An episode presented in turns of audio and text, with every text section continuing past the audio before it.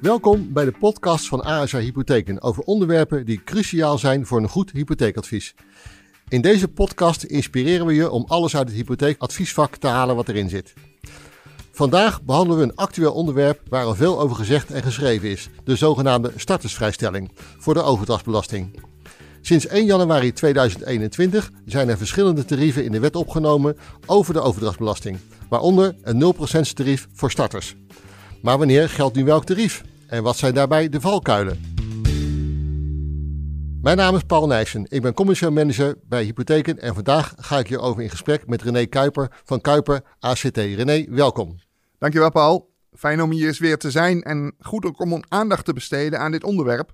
Want zoals altijd bij fiscaliteiten zijn er weer regeltjes en uitzonderingen erop. En voor je het weet, ja, betaalt de klant het verkeerde tarief of houdt de adviseur rekening met een lager tarief en dan wordt de klant niet goed uh, bediend.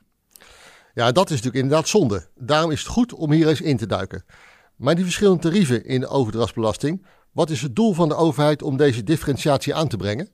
Ja, deze aanpassing is uh, op de wet op belastingen van rechtsverkeer, zoals dat zo mooi heet, waaronder de overdrachtsbelasting valt. En dat beoogt eigenlijk de positie van koopstarters te verstevigen ten opzichte van andere kopers, zoals bijvoorbeeld beleggers. Zodat ze dan ook uh, ja, meer kans maken op een koopwoning. Mhm. En om dit te bereiken, wordt er nou een differentiatie van de overdrachtsbelasting doorgevoerd in de vorm van verschillende tarieven. En deze differentiatie, ja, die, die moet er juist toe leiden dat er een verschuiving van die, van die vraag plaatsvindt hè, binnen het bestaande aanbod. Waarmee uh, nou ja, een grote groep uh, starters bijvoorbeeld ten koste van een andere groep beleggers um, ja, wordt geholpen, zeg maar. Oké okay, René, dus die differentiatie die moet eigenlijk starters zogezegd gaan helpen om een betere positie op de woningmarkt te krijgen. Ja, dat klopt al. Inderdaad, het moet uh, met name starters, daarvoor moet het positiever uitvallen. En voor beleggers ja, moet het eigenlijk minder aantrekkelijk uh, gemaakt worden om een zogenaamde starterswoning te kopen. Maar sinds uh, 1 januari 2021 zijn er verschillende tarieven voor die overdrachtsbelasting. Welke tarieven zijn er dan precies? Ja, in, in, principe valt het wel mee met de differentiatie hoor. Want we hebben eigenlijk maar twee tarieven, eigenlijk drie als je het goed uh, bekijkt. Ten eerste het lage tarief, 2%. Mm -hmm. En dan hebben we een hoog tarief, het 8% tarief. Ja, en dan kan er een vrijstelling zijn. Dus ja, dat noemen we dan maar het 0% tarief. Oké, okay, en maar wat is dan precies het verschil tussen 2%, het 8% en 0% tarief? En dat bedoelt niet uiteraard de verschillende percentage, maar meer een toepassing. Ja, ja, ik begrijp het. En uh, ja, als je in aanmerking wilt komen voor dat lage tarief van die 2% dus, dan moet je aan een aantal voorwaarden voldoen, Paul. En ten eerste moet je dan een natuurlijk persoon zijn. Dus dan bedoel ik een persoon van vlees en bloed, hè? Mhm. geen rechtspersoon, Mhm. zoals bijvoorbeeld uh, een BV of zo. Um, en daarnaast moet de woning die je koopt ook anders dan tijdelijk echt als je hoofdverblijf fungeren. Dus, dus ja, het moet je eigen woning zijn waar je niet alleen staat ingeschreven, maar, maar ook woont en leeft. En, en belangrijk misschien is om daar nog wel even bij te vermelden, dat, dat aanhorigheden, bijvoorbeeld een garagebox, wel tegelijk met die woning moet worden aangeschaft. Want anders dan kom je niet voor die garagebox voor 2% in aanmerking, maar moet je op een later tijdstip 8% betalen. Ja, dat is wel een belangrijk element natuurlijk. Dus als ik het goed begrijp, is dat 2% tarief voor mensen die een woning kopen en er zelf in gaan wonen. Hoe zit het dan met beleggers? Zijn die dan duurder uit als ze een beleggingspand aankomen en dat willen gaan verhuren? Ja, ja, zeker, dat klopt. Want als je namelijk niet aan die 2% voorwaarden voldoet, ja, dan, dan ben je dus of geen natuurlijk persoon, of je gaat de woning niet zelf bewonen. En dan val je dus onder dat hoge tarief van 8%. En, en ik heb een voorbeeldje genomen, bijvoorbeeld van een ouder die voor zijn uh, studerend kind in Groningen een appartementje koopt voor 200.000 euro. Ja, dat maakt verschil, want die betaalde dus voor 1 januari 2021 2%, dus 4.000 euro. Ja, en na 1 januari betaalt hij maar liefst 8%, 16.000 euro. Ja, en dat geldt dus niet alleen voor ouders die voor hun kinderen een woning kopen, maar dus ook voor uh, beleggingspanden of recreatiewoningen. Ja. Oké René, met dit voorbeeld is dat verschil tussen dat 2% tarief en het 8% tarief duidelijk. Maar nu ben ik wel nieuwsgierig geworden hoe het dan zit met die zogenaamde startersvrijstelling, oftewel het 0% tarief. Ja, ja, ik, ik, ik zei dat in het begin al, hè, dat ze eigenlijk de positie van de, van de koopstarter willen bevorderen. En daar hebben ze inderdaad een extra vrijstelling voor bedacht. En deze is eigenlijk geïntroduceerd als een soort van startersvrijstelling. Maar op dit moment is het voor een iets grotere doelgroep toegankelijk.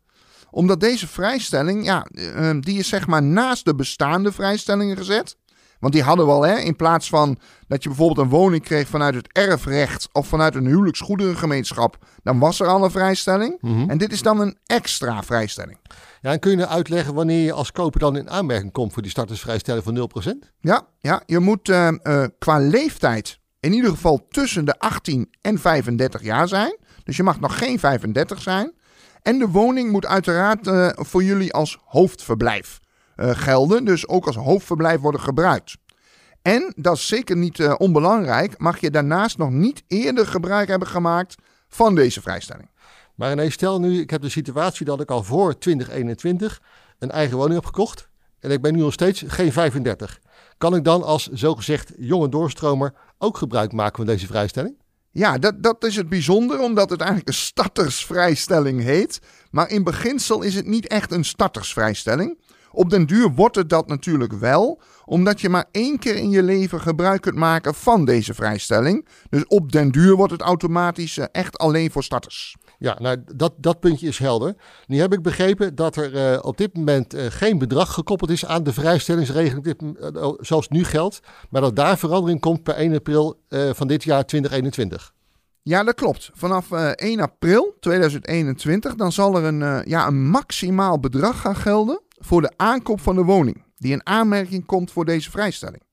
En de maximale koopsom, maar en of marktwaarde, dat is nog wel belangrijk, mag vanaf die datum niet hoger zijn dan 400.000 euro. Mhm. En ga je daaroverheen, dan zal ook echt voor de volledige bedrag de vrijstelling niet meer gelden. Die komt dus volledig te vervallen. Ja, Oké, en, en, ja. En, en let ook op daarmee, want het moment van passeren van de hypotheekakte, dat zal leidend zijn voor deze datum. Dus niet al de getekende voorlopige koopakte. Ehm, en eh, ja, daar wil ik toch wel een soort van waarschuwing geven. Let eens goed op, als er namelijk rond die datum van 1 april, ja, per ongeluk die passeerdatum moet worden verschoven een weekje, ja, dan kan het zomaar zijn dat in één keer die hoofdverdragsbelasting moet worden betaald en de vrijstelling niet geldt. Ja, en dat is dan een enorme teleurstelling. Hè? Ja. Ja. En je spreekt over een eh, maximale koopsom en of de marktwaarde. Betekent dat dan wanneer bijvoorbeeld de koopsom van een woning 395.000 euro is, maar in het taxatieport staat een waarde van 405.000 euro, dat er dan helemaal geen vrijstelling meer is? Ja, dat is dus helemaal juist, Paul. En de notaris zal hier dan ook een, een controle op moeten uitvoeren.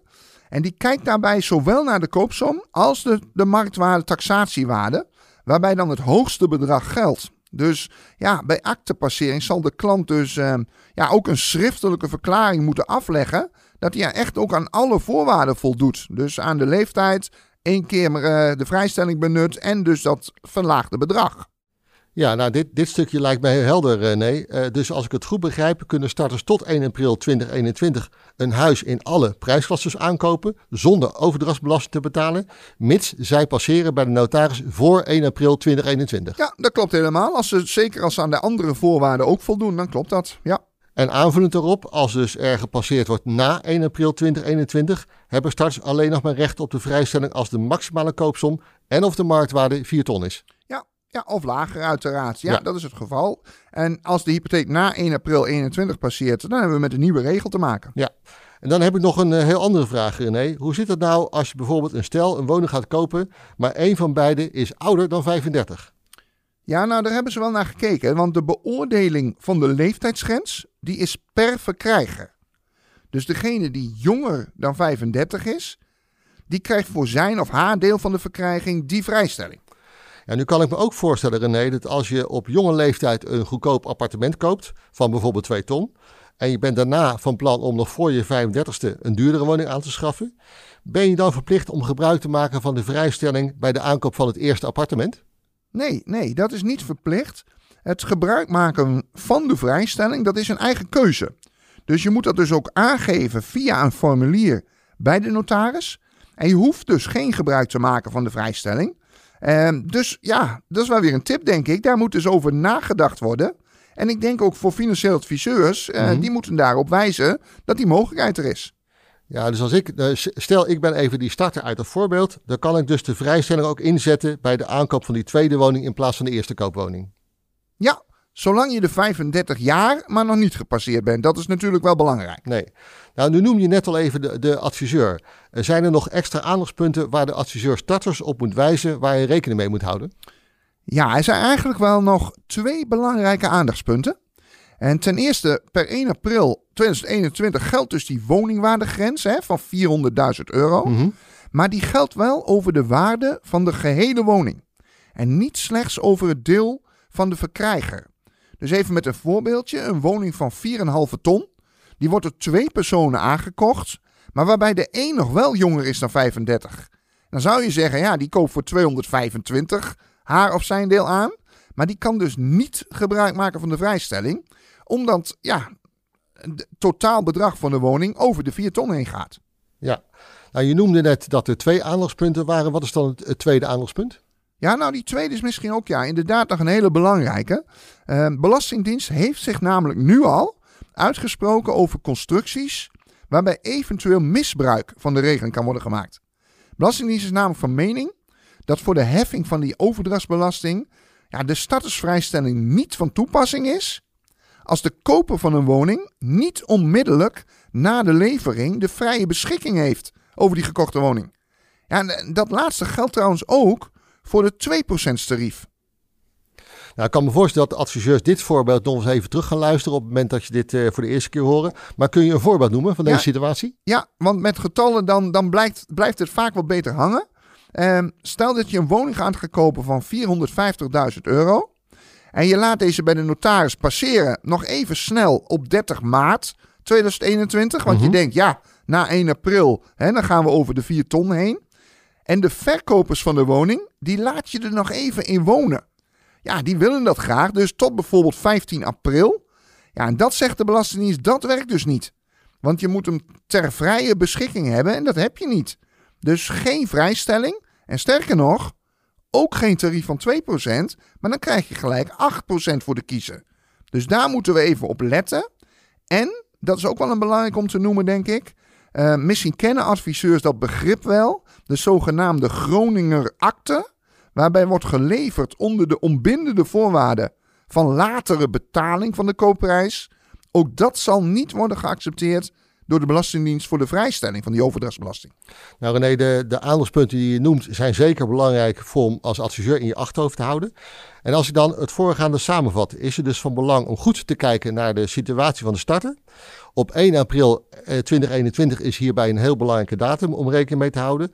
En passeert de klant na 1 april 2021, dan geldt de vrijstelling alleen voor woningen met een koopsom en of marktwaarde tot 4 ton als samenvatting. Ja, dat Ja. klopt. En, en vergeet niet hè, dat die 2% ja, ook wel een behoorlijke impact heeft op de starter. Hè, als hij ja, die kosten ineens wel of niet zelf moet betalen. Ja, dat lijkt me duidelijk. Maar als je als starter aan de voorwaarden voldoet, dan betekent deze startersvrijstelling wel dat je als starter minder eigen geld hoeft in, in te brengen. Dat scheelt er al gauw een, eh, een flink aantal duizenden euro's. ASR heeft in 2018 de, de startershypotheek geïntroduceerd, eigenlijk specifiek voor deze doelgroep. Een hypotheek waarbij klanten kunnen kiezen voor een langere aflosperiode van, tot 40 jaar en dus ook lagere maandlasten. Geeft de starters naar jouw mening ook een betere positie op die woningmarkt? Ja, dat vind ik wel. Dat zou zeker een mogelijkheid kunnen zijn. Ehm, wel even belangrijk om te vermelden, denk ik, dat je met de ASR startershypotheek niet meer kunt lenen. Mhm. Maar, maar de maandlast die je betaalt, eh, ja, dat heb ik wel eens uitgerekend. Dat, die is bij aanvang echt een stuk lager. Dus een adviseur ja, moet deze optie, vind ik, altijd meenemen in mijn optiek. Want een starter moet je erop wijzen dat ze in principe wel langer de maandlast moeten betalen. Namelijk 40 jaar, zoals je zei, in plaats van 30 jaar. Maar ja, ze betalen aanmerkelijk minder per maand. Dus ja, dit vergt wederom een goed advies en een duidelijke uitleg van de adviseur. Helder. En René, ik denk dat je hiermee weer eh, heel duidelijk dit onderwerp eh, ter sprake gebracht. Ik wil jou hartelijk bedanken voor de opheldering over dit onderwerp, de overdrachtsbelasting en de vrijstelling. Want dit voor starters betekent en waar adviseurs op moeten letten bij hun dossiers. Luisteraars kunnen altijd contact opnemen met René Kuiper door een e-mail te sturen aan info.kuiperact.nl. Dan wil ik u als luisteraar graag bedanken voor het luisteren naar deze podcast. Beluister ook eens een van onze andere afleveringen over onderwerpen die cruciaal zijn voor een goed en onafhankelijk hypotheekadvies. U vindt deze op www.asr.nl/slash podcasthypotheken.